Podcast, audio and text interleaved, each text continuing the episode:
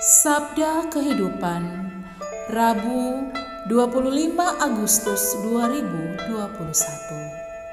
Matius pasal 23 ayat 27 sampai 32 Demikian jugalah kamu. Di sebelah luar kamu tampaknya benar di mata orang.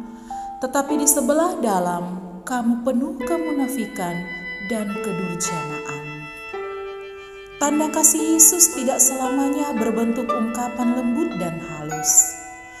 Kecaman Yesus bagi orang Farisi dan ahli Taurat yang munafik adalah bentuk kepeduliannya agar mereka bertobat, berubah dan kembali kepada jati diri yang sebenarnya sebagai anak Allah agar mereka hidup jujur dan sejalan antara kata dan perbuatan, punya integritas yang kuat dan komitmen yang tinggi untuk tidak ingkar pada janji.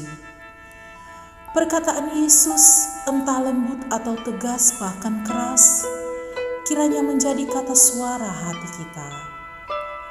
Ya Yesus, teguranmu bagi orang Farisi dan ahli Taurat adalah teguranmu bagiku juga. Agar aku tidak bersikap munafik, mau jujur dan terbuka mengakui kesalahan, serta dengan rendah hati menyesal dan bertobat. Biarlah sabdamu menjadi hati nuraniku, agar aku tahu apa yang seharusnya aku lakukan dan sikap apa yang harus aku jauhi.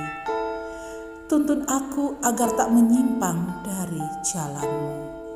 Semangat Rabu, tangan Tuhan memegang dan menuntun kita. Pastor Revi Tanot